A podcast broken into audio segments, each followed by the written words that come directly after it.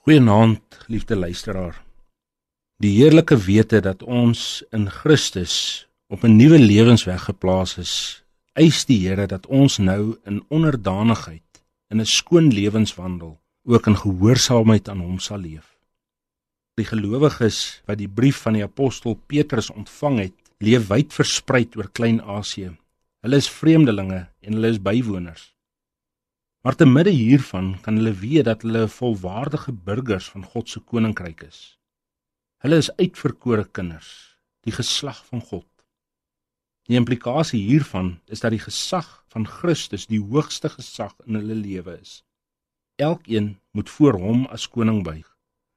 As burgers van God se koninkryk moet die gelowige kinders van die Here op 'n bepaalde manier in hierdie bedeling leef om getroue getuies te kan wees. Hulle moet God se koningskap erken en dit uitleef. Petrus vermaan hulle tot 'n skoon lewenswandel. Dit is 'n getuienis ook aan die heidene. Die gelowige bely nie net sy geloof nie, maar hy leef sy geloof uit. En in 'n besondere manier word dit dan vir ons gesê in vers 13: "Wees dan onderdanig aan elke menslike verordening ter wille van die Here." Of dit die koning is as opperheer of die goewerneurs as die gesante om wel kwaadoeners te straf maar die wat goed doen te prys. Want so is dit die wil van God dat jy deur goed te doen die onkunde van die dwaase mense tot sweye sal bring. Die gelowige se lewenswandel hou in dat hy homself sal onderwerp.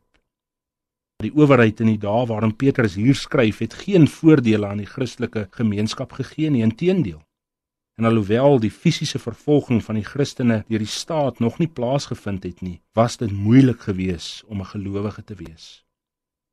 En tog vermaan Petrus hulle om ondanks al die onreg, moet hulle steeds gehoorsaam wees want dit is 'n getroue getuienis. Die getuienis van gehoorsame burgers. Dit sal uiteindelik al die aanklagte en die onkunde van die heidene van die dwaase stilmaak gelowiges wat gehoorsaam in die geregtigheid van God hulle self onderwerp aan die owerheid wat die Here daar gestel het, dit is uiteindelik 'n getuienis wat die wêreld moet sien. En die slotsom waartoe Petrus die uitverkorenes van die Here bring, is die wete dat hulle dit doen as diensknegte van die Here. Ja, in die daaglikse bestaan van die gelowige word die getuienis dat Christus die Here en koning is sigbaar in hierdie diensbaarheid. Al is die gelowiges vreemdelinge wat aan moeilike omstandighede onderwerp is, het hulle die vryheid in Christus ontvang om God te dien.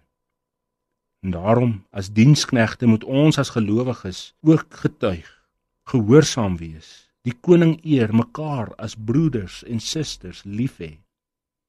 In die geloof leef om God en ons naaste te eer. Dit is ons roeping in hierdie wêreld en hierdie lewe wat ons tans staan. Mag die Here ons daartoe help.